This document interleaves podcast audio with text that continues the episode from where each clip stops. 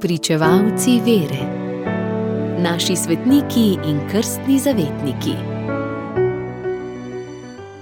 Danes zgoduje sveti Adalbert, magdeburški načkov, ki je umrl leta 981.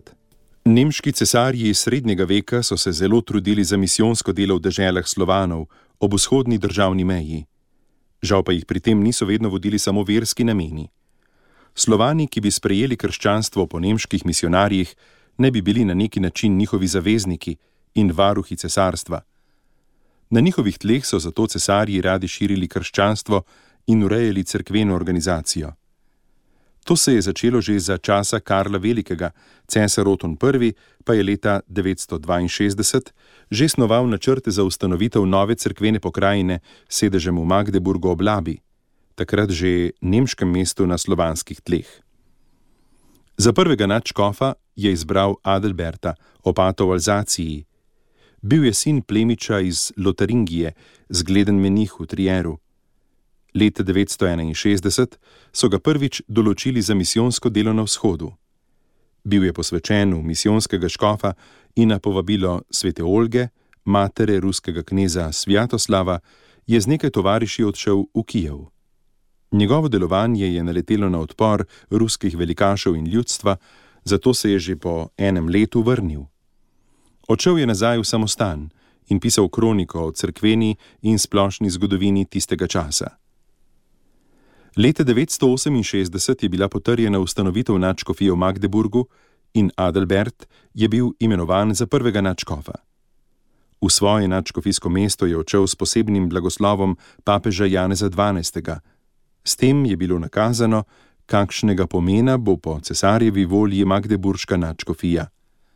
Prva med vsemi nemškimi cerkvami na desnem bregu Rena in z istimi posebnimi pravicami kot stare metropolije Trier, Kelen in Mainz. Nova načkofija naj bi bila poslej žarišče verske kulture na osvojenem slovanskem ozemlju.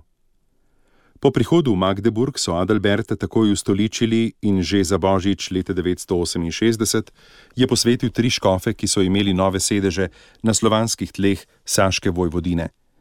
Načkov Adalbert si je v naslednjih letih prizadeval za čim boljšo ureditev svoje cerkvene pokrajine.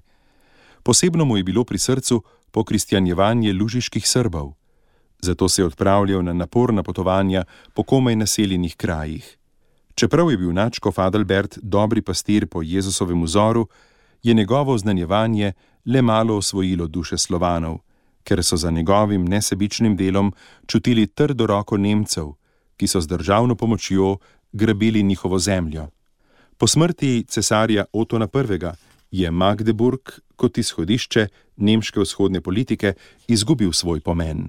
Leta 983 je nemško naselje uničilo, kar je pridobil Adalbert.